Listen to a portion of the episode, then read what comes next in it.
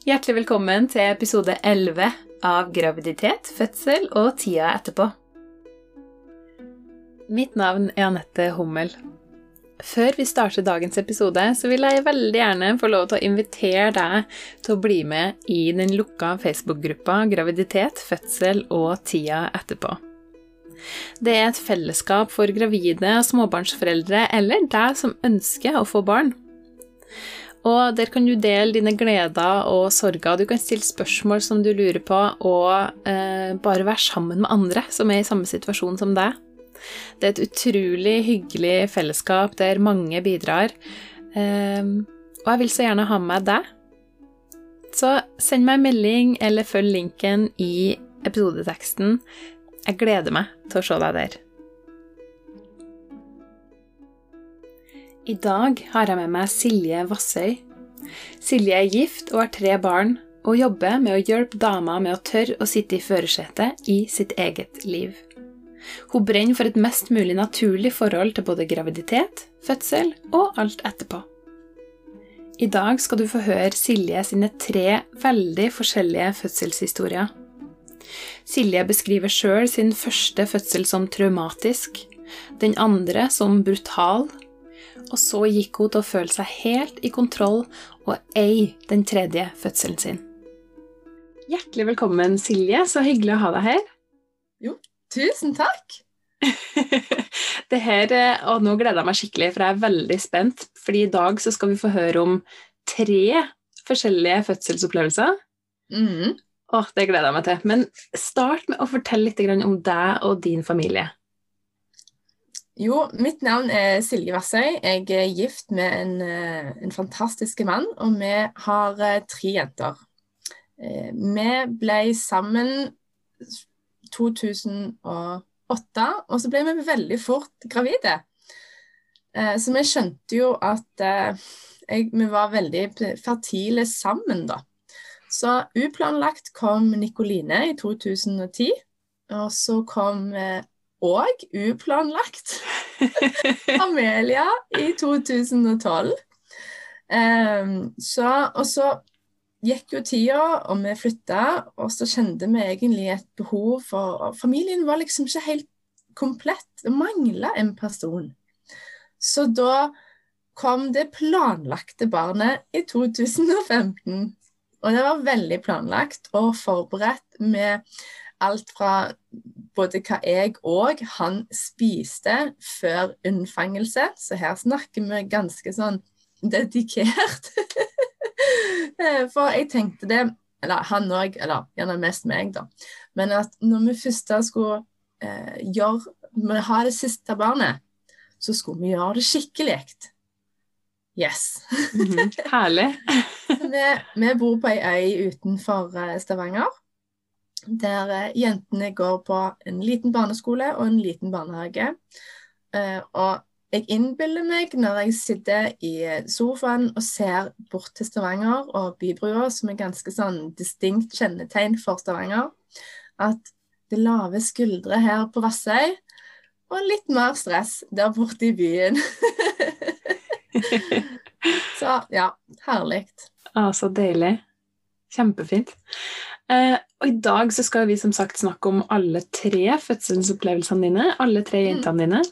Mm. Eh, vi skal snakke litt mest om den tredje fødselen, ikke sant? Mm.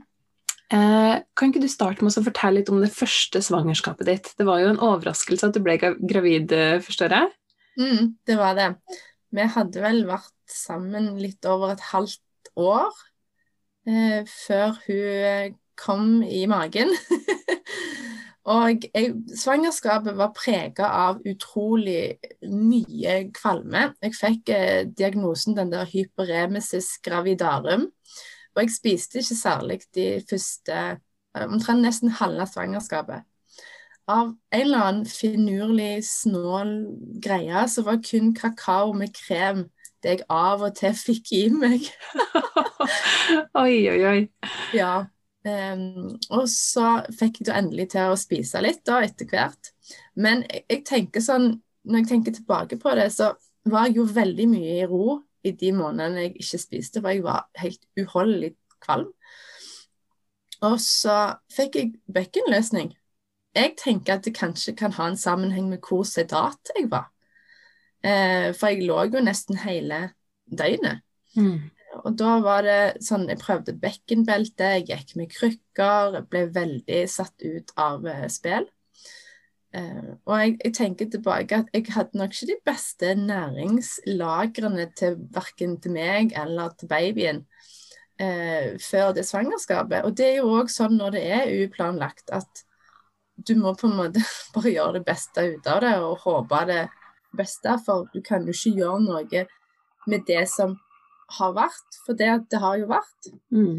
Um, og så ble um, Ja, jeg ble jo òg veldig, veldig stor med hun. Jeg samla så enorme mengder vann at når min mann tok og holdt rundt vrista på foten, så var fingermarkene igjen i, så, så nedtrykt, sant, eh, lenge etterpå.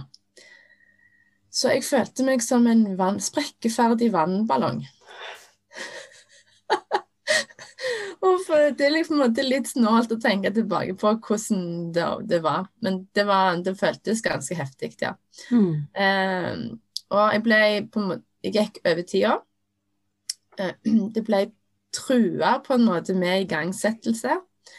Uh, og jeg hadde fått en dato, vi skulle inn og få denne her pilla. Nå husker ikke jeg den, den, det navnet, men det betyr ikke så mye.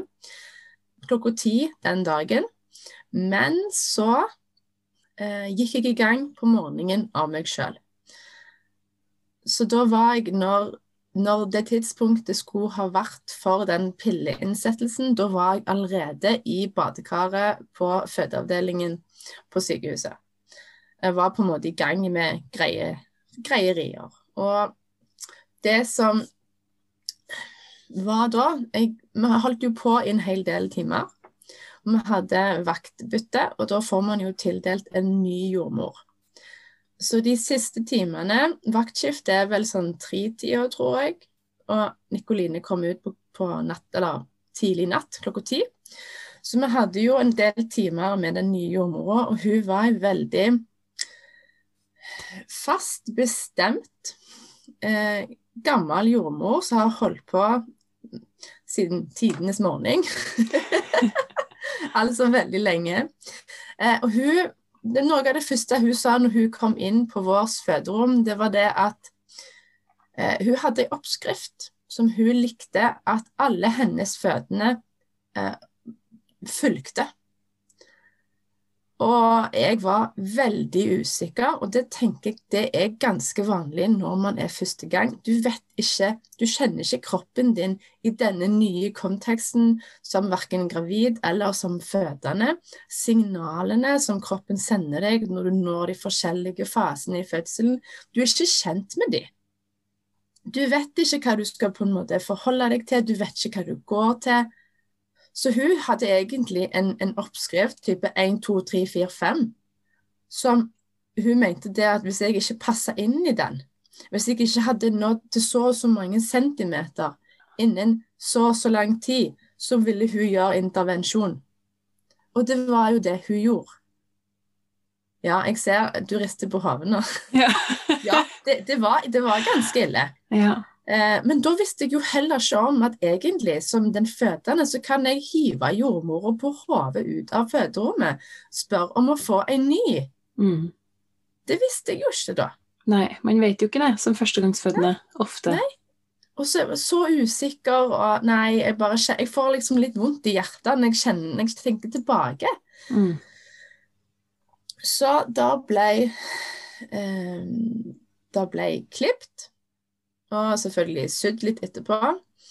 Og så husker jeg at når vi For når hodet står i åpningen, så skal jo hodet stå i åpningen en stund før pressinga begynner. Eh, og da husker jeg at jeg var så utmatta. Jeg var helt, helt forbi pudding. Så jeg, og det krydde med både hvitkledde og blåkledde, og det var så mange folk på rommet, og jeg skjønte ikke helt hvorfor. Men det var kanskje det, det var sånn kunne ha blitt keisersnitt hvis det hadde tatt lengre tid. Jeg vet ikke. Men så spør jeg kan jeg være så snill få noe å spise, noe å drikke, for jeg følte jeg måtte følge på. Og så husker jeg, altså Det kan jo være jeg husker feil, men det jeg husker, er hold kjeft og press. Uff a meg. Ja. Eh, så den fødselen var jo ikke så bra. Og trykketida, eller pressetida, var òg veldig lang, for jeg var så, så sliten. Og det òg som er vanskelig, iallfall når jeg ser tilbake på det, eller tenker tilbake på det, det er jo når jeg ikke fulgte signalene fra kroppen fordi jeg ikke var kjent med signalene fra kroppen. Da er det jo ikke løye òg at kroppen blir sliten. Ekstra sliten. Mm. Eh, så ja, jeg tenker det at Selvfølgelig er jeg takknemlig for fødselen og takknemlig for eldste jenta mi, og det var jo hun som gjorde meg til mor. Altså, Det ble jo ikke bare født en baby i det sekundet hun ble født. Det ble født en mor òg. Ja. Og da tredde jeg inn i en helt ny rolle jeg ikke hadde vært før. Mm. Og i min oppvekst så har jeg sagt jeg skulle aldri ha unger, jeg skulle bare ha dyr. Og så her sitter jeg, eller ikke akkurat nå ungene her, men med tre unger. sant? ja, Ting forandrer seg. det gjør det. Ja. Men det må ha vært en veldig skremmende opplevelse for deg? Um, det har satt nok litt traumer igjen, um, ja, spesielt med det der at plutselig var det så mange på rommet. Mm. Altså, det pleier jo å være jordmor og en sånn barnepleier når det nærmer seg um, babyens entré. Men jeg husker det var en fødselslege, eh, det var flere andre med grønne klær og flere andre med hvite klær. Og når du ligger der på en måte i På tampen av en fødsel, du er jo ikke helt til stede. Så jeg skjønte liksom ikke helt hvorfor det var så mange folk. Nei. Um, og mens jeg var gravid med nummer to, det kommer jo tilbake til snart, så var jeg på sånn samtale med ei annen jordmor, fordi hun hadde gått av med pensjon, hun som jeg hadde, eh, for å gå en gjennomgang gjennom fødselen, det som de hadde registrert og skrevet inn på langs hele forløpet. Ja. Og hvordan, hvordan var det? Å ha den gjennomgangen? Det var fint. Um, for så vidt klarerende å se hva de hadde skrevet om, om meg. Mhm. Men jeg klarer ikke å ta igjen nå på en måte de svarene jeg, jeg sannsynligvis spurte etter med alle de folka og det. Men jeg, det gjorde at jeg følte meg tryggere iallfall til fødsel nummer to. Mm. Ah, så bra. Og så ble du jo gravid igjen, var det to år senere? L- um, hun var litt mer enn ett år når hun ble gravid. litt mer enn ett år. Ok. Ja. Mm. Uh, og hvordan var det svangerskapet? Det starta som passe greit, og så ble det veldig mye svimling og Jeg er usikker på om det var blodtrykksfall eller hva, men jeg holdt på å kjøre vogna med hun eldste ut i bil, bil, bilveien, holdt jeg på å si, trafikkerte vei, fordi jeg svimla så mye. Eh, og i det øyeblikket skjønte jeg jo at OK, her må vi ta mye ekstra hensyn. Mm. Eh, og så fikk jeg òg maserier fra uke 20 nesten konstant. Som gjorde at jeg da sov nesten ikke halve svangerskapet. Så når terminen kom, og jeg hadde en vilter halvannetåring, så var jeg så sliten at det var Ja, det var ikke mer igjen. Så da foreslo jordmora, som jeg var på kontroll hos på eh, fødepol, fødepoliklinikken på sykehuset, at de skulle bli satt i gang. For jeg satt igjen med en, en frykt om at jeg ikke skulle orke til å ta vare på verken hun eldste eller hun yngste når jeg hadde født hun yngste, på grunnlag av hvor veldig sliten jeg var etter fødsel nummer én. Mm. For etter fødsel nummer én tok det nesten åtte måneder før jeg følte meg som meg sjøl. Oh, wow. Mm. Så motherhood. det kan være veldig tøft. Ja da, Mm. absolutt. Mm. Og kanskje ekstra hvis man har hatt en eh, traumatisk fødselsopplevelse. Ja. Jeg tror òg det røynte såpass mye på, på kroppen, den fødsel nummer én, at, eh, at det tok tid å hente seg inn. Mm. Mm. Ja. Eh, For én ting er på en måte den fysiske kroppen, og at det, der som det ble klipt, det skulle leges, og ja, magen skulle trekke seg tilbake, livmora skulle krympe igjen, og alt sånt. Men hva med sjelen, da? Hva med de emosjonelle sårene? Mm. Så det, ting tar tid, og jeg tenker det aksept for at det tar tid, er jo veldig fint. Ja, absolutt. Hadde du god støtte rundt deg i den perioden? Etter fødsel nummer én? Ja. Ja, kanskje. Altså, jeg kan ikke huske det var utprega støttende. Det var liksom, det var det det var. Og jenta, hun hadde jo kolikk i x antall uker som jeg ikke husker nå. Så vi var jo skamsledne. Nå har jeg sagt det ordet på en måte for mange ganger til nå, men det var jo faktisk sånn det var. Mm. Eh, vi sov på skift, eh, og etter hvert så fant, fant, fant vi et lite sånn triks da, med veldig svak fenikkel til når hun nærmte seg noen måneder. Så fikk hun bitte litt av det før, før måltid, og da kom raben mye kjappere opp. Og så var det mye mindre grining. Ja. Så, så jeg vet ikke om det er fraråda nå, eller om det er innafor. Jeg, jeg har hørt forskjellige ting i etterkant om den der fennikelteen, Men det var nå det vi gjorde, så. Ja. Mm. Nei, det vet ikke jeg heller hvordan det er nå. Så Nei. det anbefales å søke opp hvis man hører på det her og tenker det skal Ja. jeg prøve. Så sjekk først Ja. om det er greit. Ja, enig. Um, ok, men så uh, inn igjen til det andre svangerskapet ditt. Um, for du, hvor langt var du på vei når de snakka om at de kanskje skulle sette deg i gang? Da var jeg nesten opp to uker igjen til termin. Ok, Men da hadde jeg ingenting å gå på. nei. Så da venta vi noen dager på en, min mann sin eh, forkjølelse eller et eller annet sånt pga. å komme inn på fødeavdelingen. Og når det hadde roa seg, så kom vi inn. Og da var livmorhalsen veldig umoden. Det var ingen tegn til noen form for modenhet. Mm. Så det ble en, på en måte en tvungen igangsettelse. Å overtale en kropp som ikke var innstilt på å føde. Så det kan du trygt si var ganske heftig. Så det var to døgn, ikke mindre enn to døgn, med eh, fødsels... Altså starten av et fødselsforløp. Eh, og så tok det fem minutter fra fem centimeter til hun var ute. Så det tok to døgn fra null til fem centimeter, og så tok det fem minutter fra fem centimeter til hun var ute.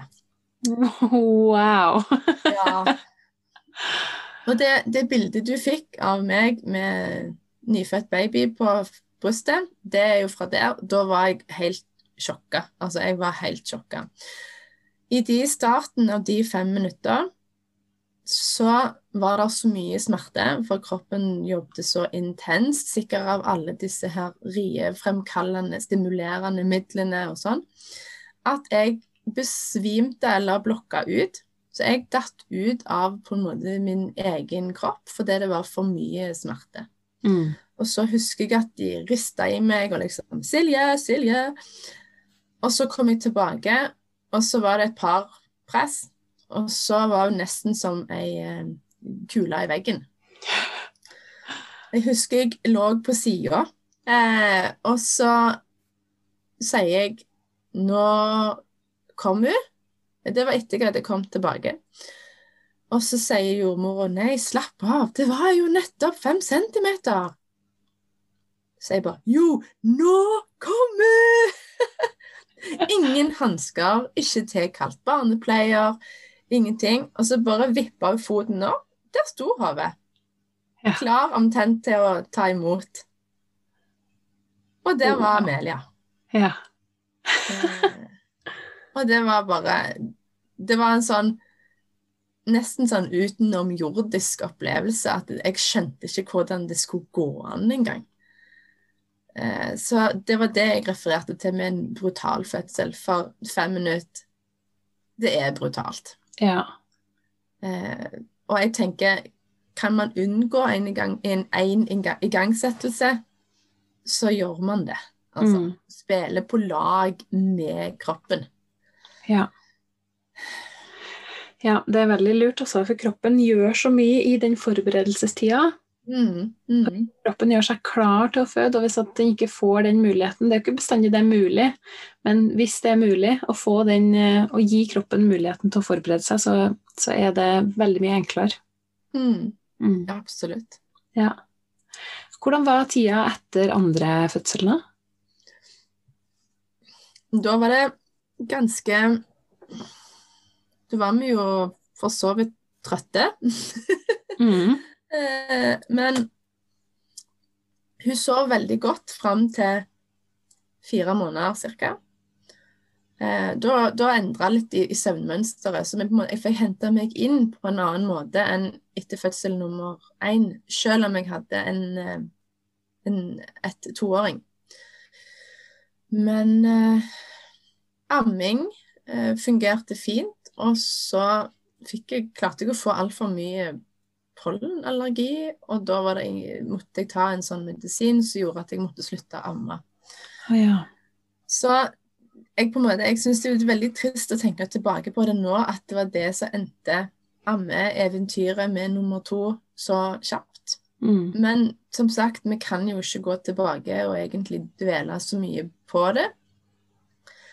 Så jeg samla med alle lærdommene da, fra fødsel nummer én og fødsel nummer to. Og så tok jeg en litt annen tilnærming til hele opplegget eh, med nummer tre. Vi hadde flytta, vi var midt i eh, oppussing når vi ble gravid. Under veldig mye stress. Egentlig så skulle det nesten ikke gått an, men eh, sommeren, hva blir det, 2013 Det her burde jeg jo ha skrevet ned, da. Men ok, En stund før så begynte vi å skrive, eh, spise for å forberede kroppen til et svangerskap. Da er det jo snakk om å bunkre opp på masse næringstette mat, og virkelig bare sørge for at kroppen har det så bra som mulig. Og den filosofien er fra Weston A. Price Foundation, såkalt WAPF med W. Eh, og eh, jeg kjøpte på bøker og leste meg opp og spiste. Og det er den mest næringstette maten. Det er jo eh, lever og eh, eggeplommer, kefir Altså alt sånn skikkelig sånn potent. For jeg kjente det at etter de fødslene og etter de nyfødtidene med de to første, så ville jeg gjøre det jeg kunne for at kroppen min skulle ha det best mulig både før, underveis og etter. Men òg at jeg ville gi de beste byggesteinene mulig til den babyen som ble lagd i livmora. Mm. Mm. Så jeg spiste Jeg rakk å spise sånn fire-fem måneder før hun kom inn i magen. Men så bra, da. Eh, Det er jo kjempeflott å forberede seg så fire-fem måneder. Ja, ingen koffein, ingen alkohol. Helt clean, liksom. Ja, Mm. altså flott. Eh, og så var jeg, jeg var så ekstremt god form. Jeg følte meg som en superkvinne sjøl helt i starten. Jeg hadde vel to uker jeg følte meg litt yggen, men ikke kvalm. Ikke noe unormalt spisemønster. Og så var det nok litt stress med, med husoppussing og, og alt sånt. Så runda jeg tre måneder i starten av januar, altså rett etter nyttår. Og det ble på en måte offisielt. Og så kom der en lungebetennelse. Oi. som satte meg så veldig ut av spill at jeg måtte sove sittende på sofaen i ukevis. Og, og etterpå det så kom bekkenløsningen fra svangerskap nummer én tilbake, så det ljomte. Og da var jeg vel litt over fire måneder på vei når jeg hadde konkludert den fæle bekkenløsningen. Da var det både symfysen, men òg i hoft, selve hoftene. Så jeg kjente jo igjen det ganske tidlig, og så var, var jeg hos en eh, manuellterapeut, og han sa at det er for ille, jeg kan ikke røre deg, du kan ikke få behandling her. Han sa at jeg måtte nesten bare ligge på sofaen resten av svangerskapet siden jeg var så vond. Oi. Og jeg, det var jo litt som et slag i magen. Bare sånn Hæ?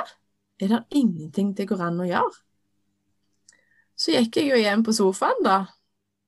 Og lå der og tenkte Nei, vet du hva. Det må være noe det går an å gjøre. Jeg gir ikke opp. Så Google ble min beste venn. Mhm. Så jeg bare tenkte Det her er jo smertesignaler, sant? Altså Egentlig så er jo et løsere bekken noe som er fysiologisk og for så vidt biologisk meint for at babyen skal få plass til å komme ut. Så egentlig så er det jo ikke egentlig ille. Så jeg bare OK. Smertesignalene sendes og kanskje overtolkes.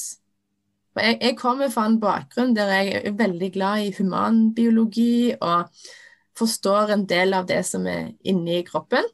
Så jeg bare Hm, hva hvis jeg forsker litt på dette her?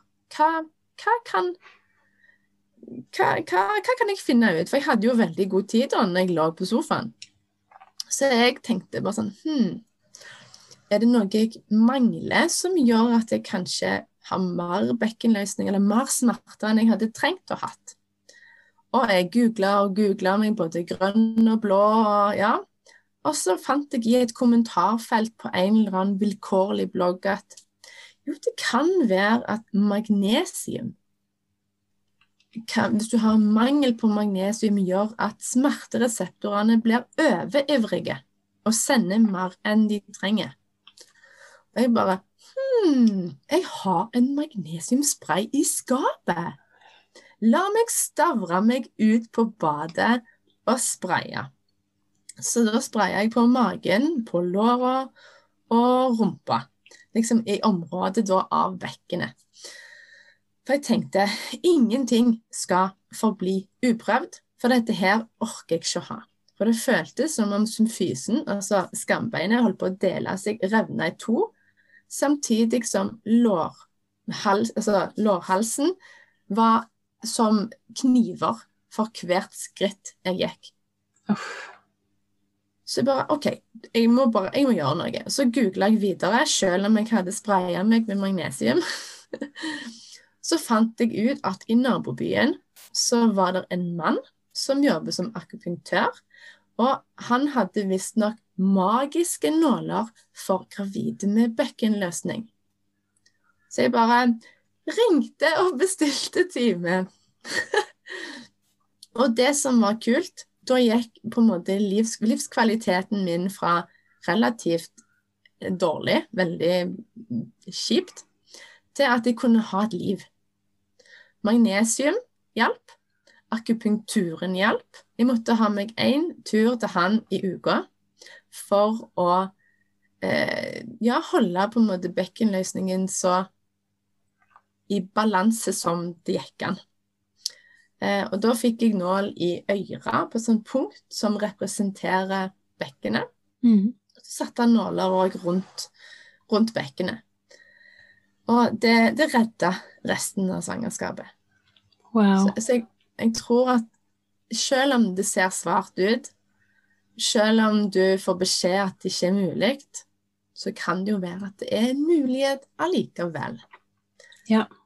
Mm. Absolutt. Og så bra at du fant ut det der. Mm. Fy søren. Og det, jeg tenker også på det med at um, det med magnesium, fordi at uh, det sies jo at, at nesten alle i Norge har magnesiummangel. Mm. Vi får jo ikke i oss nok magnesium. Mm. Og når du tenker på hvor mange som sliter med, med smertefull bekkenløsning også. Mm. Det er kjempe, kjempeinteressant. Ja, så det her er jo bare min observasjon, da. Og jeg hadde jo ikke Jeg tror ikke jeg hadde prøvd det med mindre jeg hadde funnet noe litt sånn i den gata på det kommentarfeltet. Eh, men jeg var så desperat og så villig til å prøve alt Mm.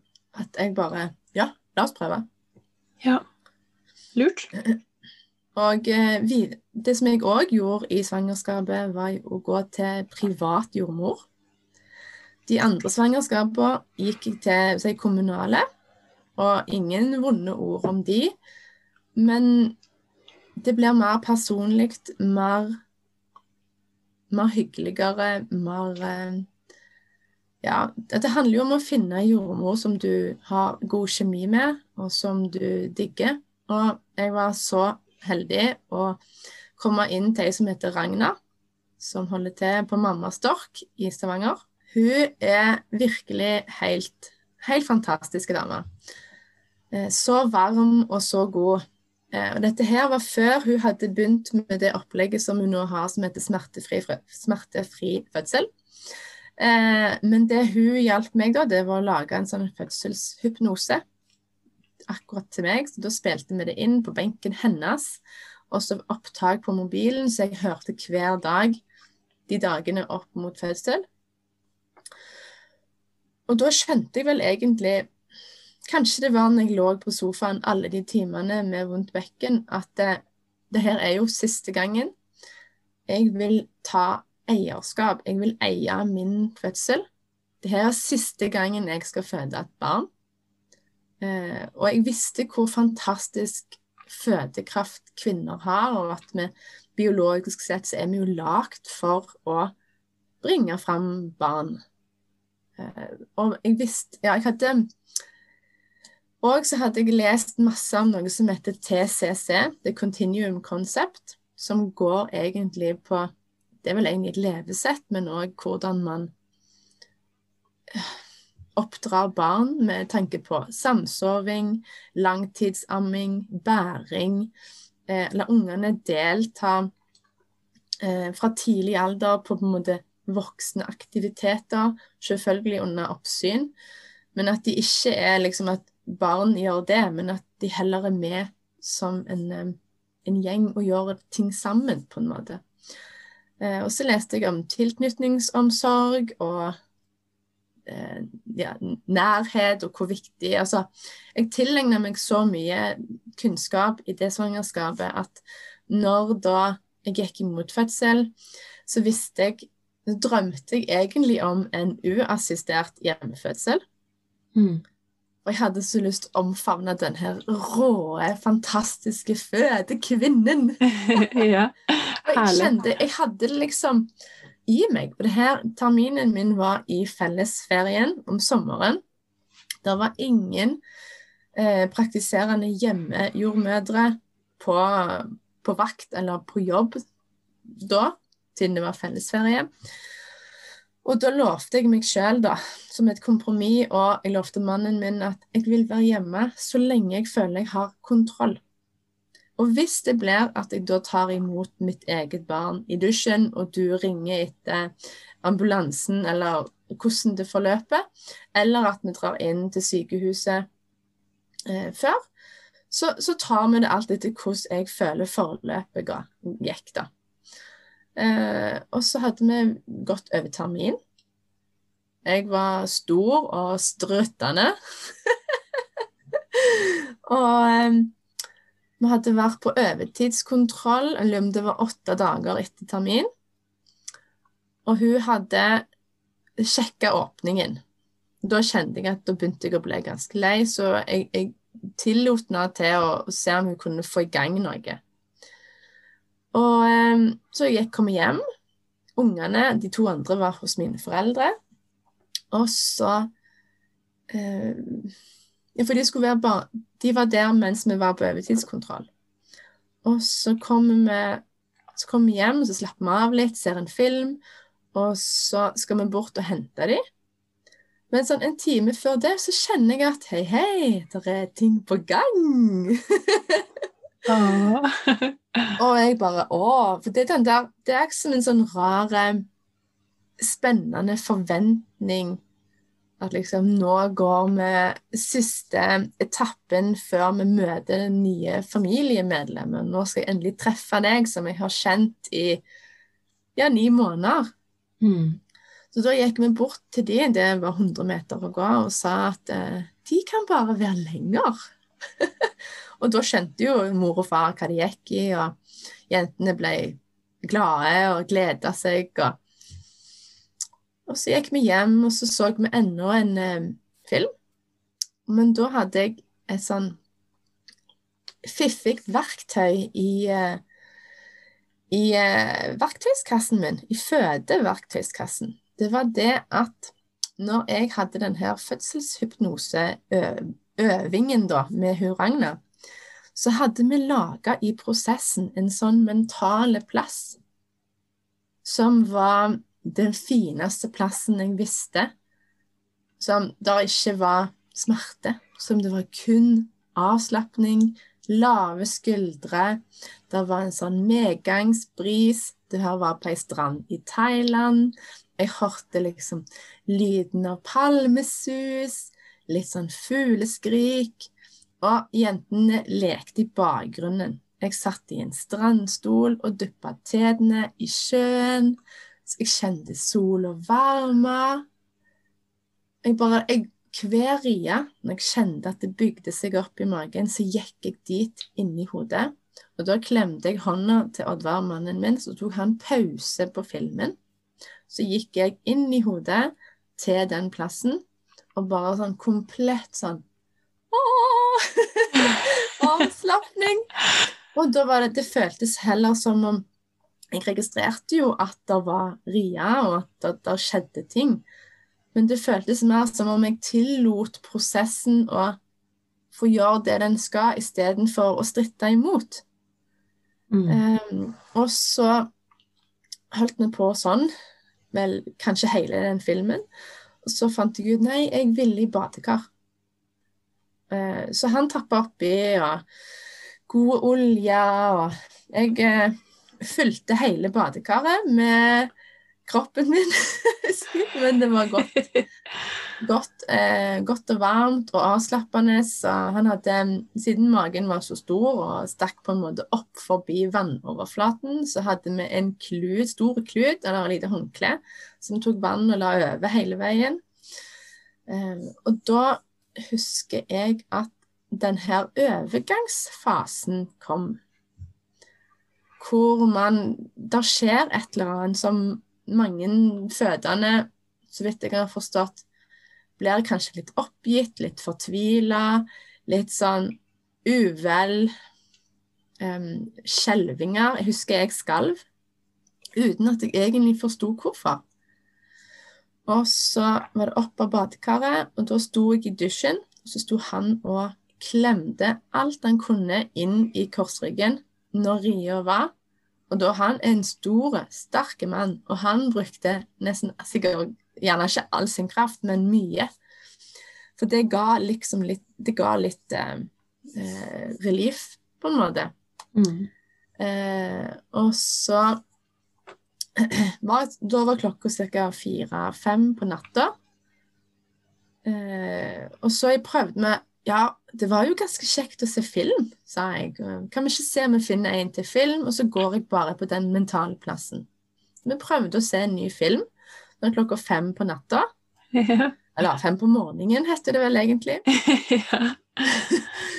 så, men da funka det ikke, for da hadde riene gått opp både i eh, effekt og mindre Altså tettere. Mm. Så da hadde jeg for mye uro i kroppen til at jeg klarte å å ha den der skikkelige roen. Og så husker jeg Jo, så Det som òg var kult, det var fullmåne.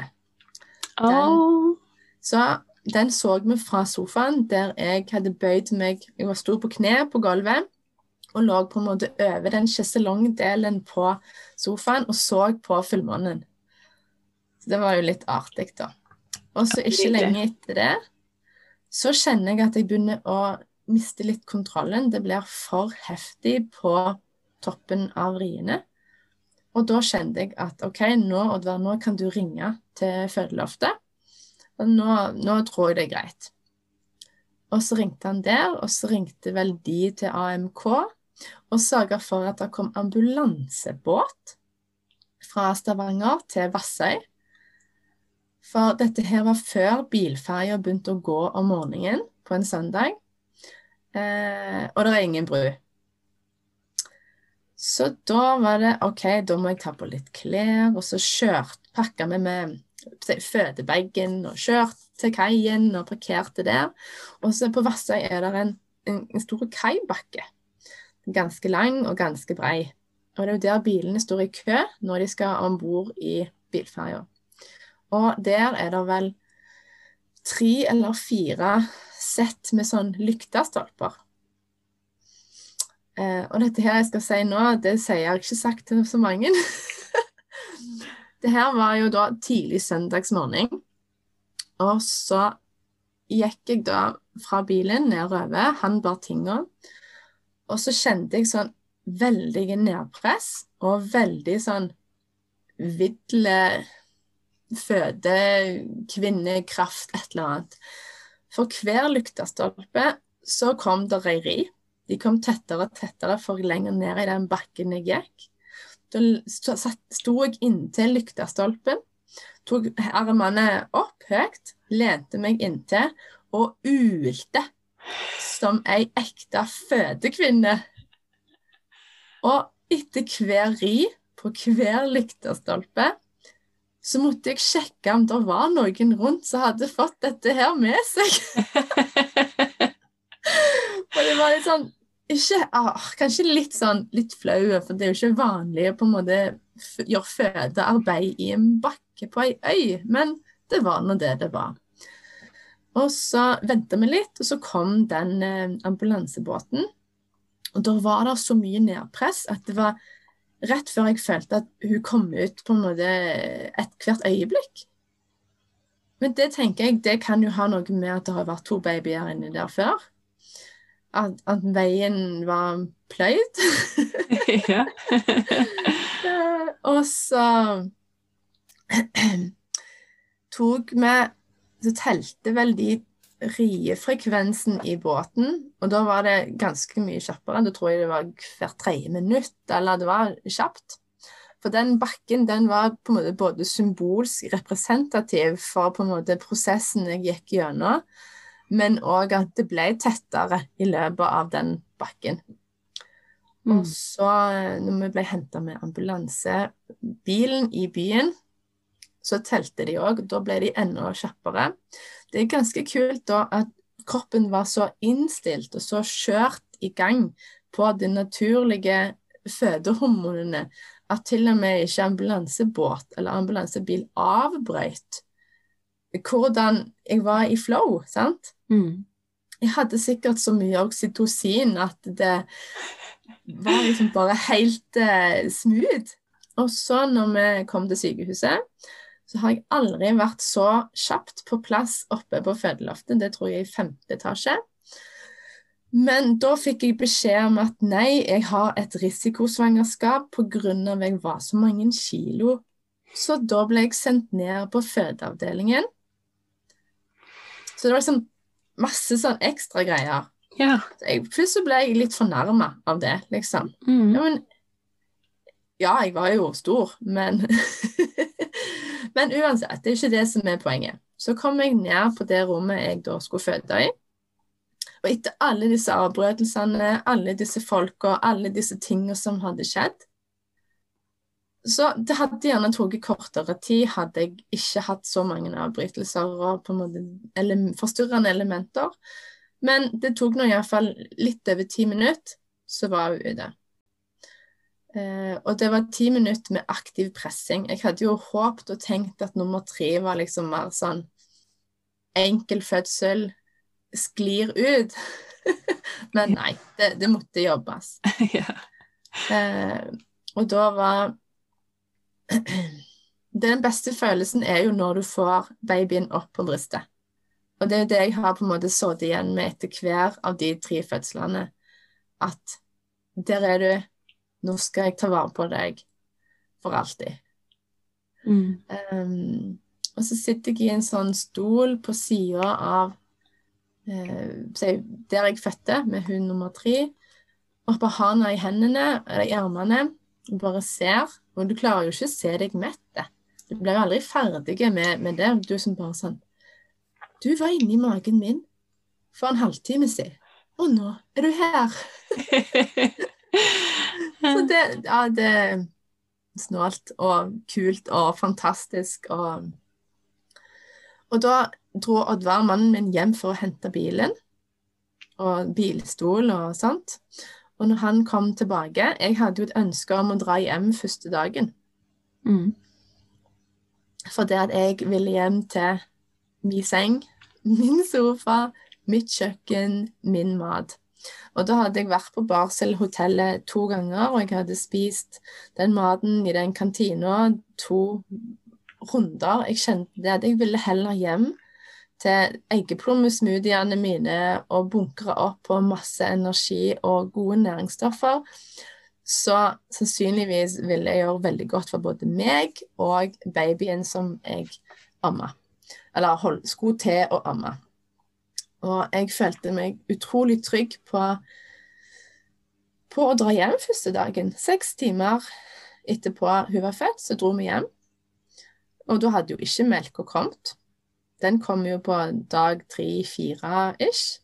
Jeg stolte på kroppen, at kroppen visste hva den skulle gjøre. Eh, melka kom, og sørga for at eh, hun ble milk drunk stadig vekk. um, og så amma jeg til vi var litt over to år. Og jeg er kjempefornøyd med det.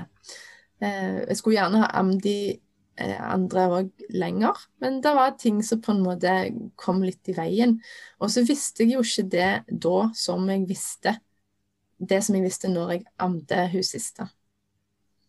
Så jeg tenker det å stole på sin egen magefølelse, sin egen mamma-intuisjon, sant? Mm. Det at man vet best for seg og sitt barn. Det Mm. gjelder òg etter fødsel, men det gjelder òg i hvert fall på fødsel. Er du Ja. ikke enig?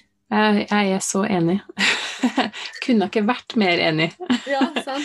Kvinner er så Katrine Trulsvik har sagt det at kvinner er aldri så intuitive som, som Mm. når de er gravide, og når de har Mm. små barn.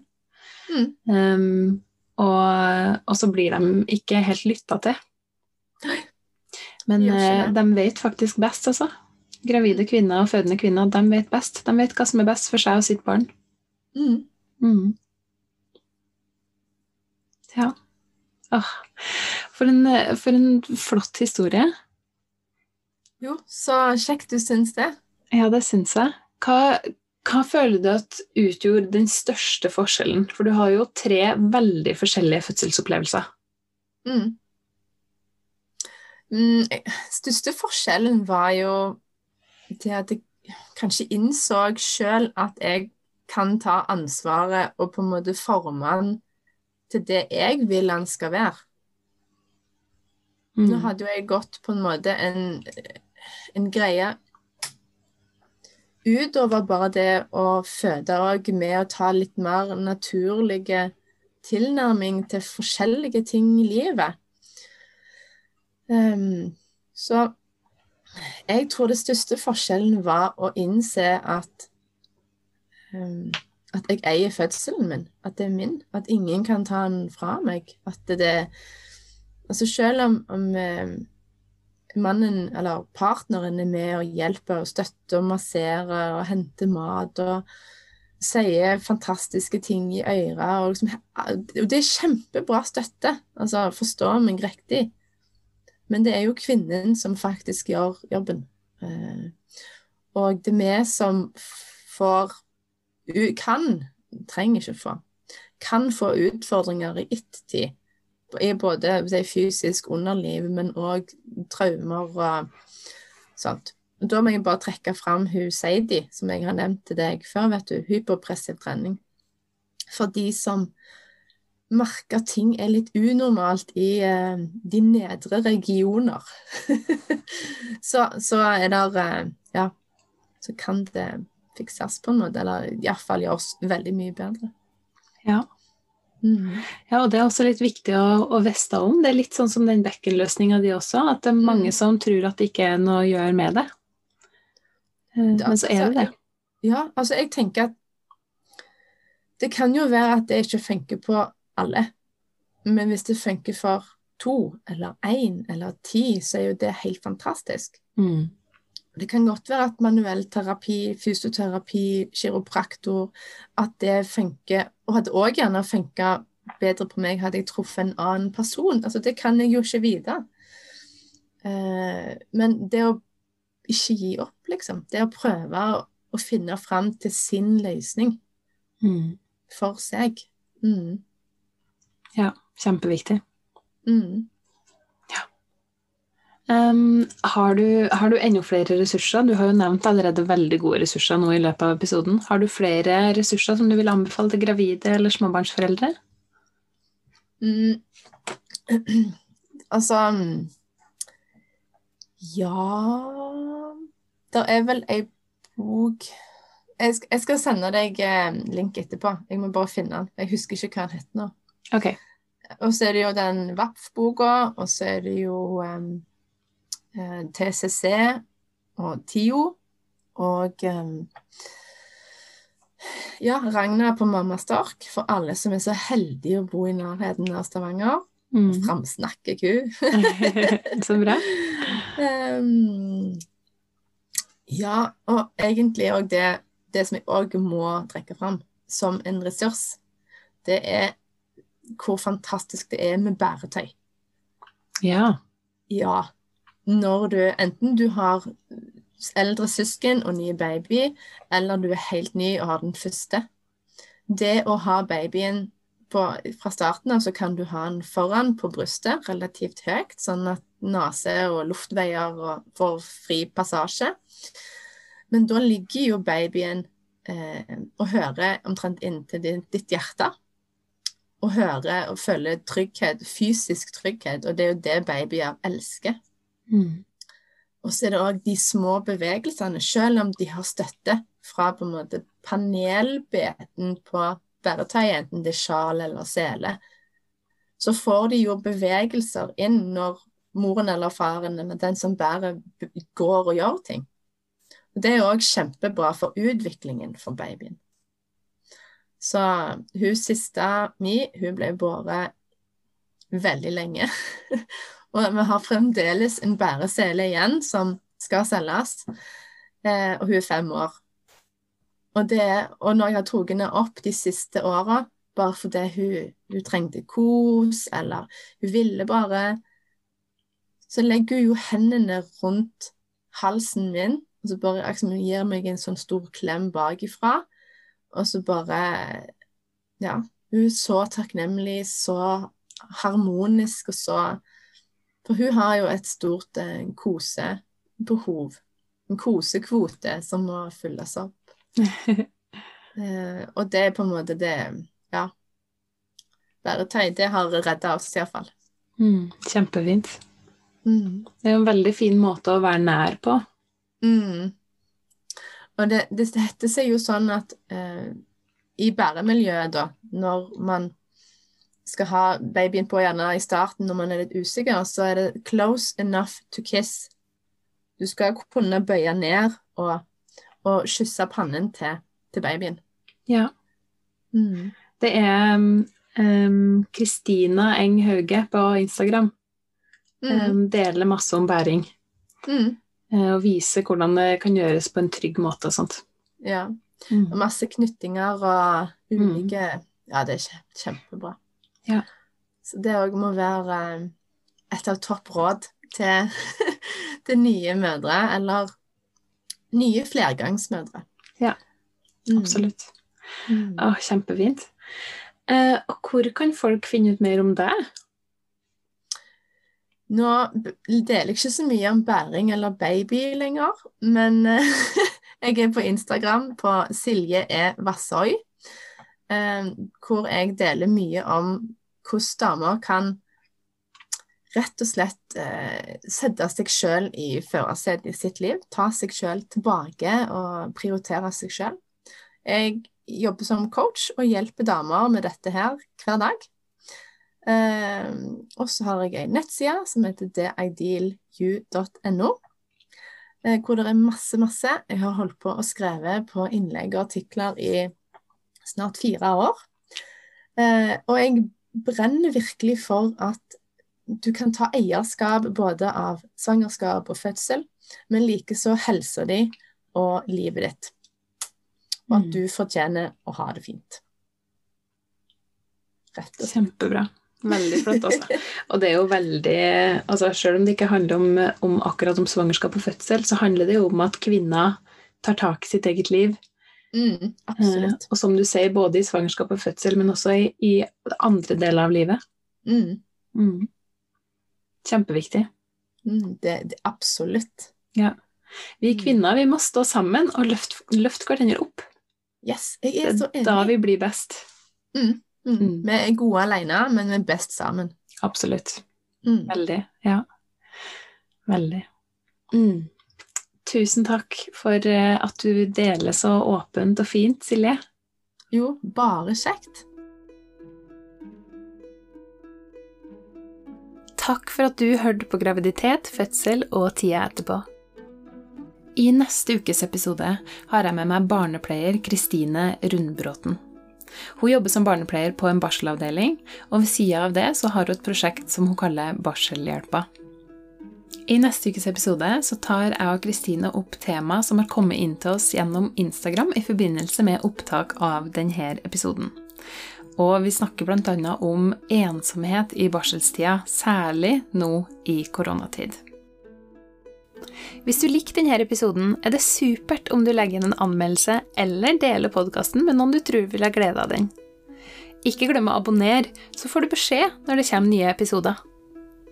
I tilfelle det var noen tvil, så vil jeg også nevne at jeg ikke er verken lege eller jordmor. Temaene som tas opp på denne podkasten, er kun ment som generell informasjon, ikke som råd eller oppfordring til handling. Hvis du har spørsmål eller bekymringer når det gjelder din egen eller ungene dine sin helse, så vil jeg på det sterkeste anbefale at du snakker med legen eller jordmora di.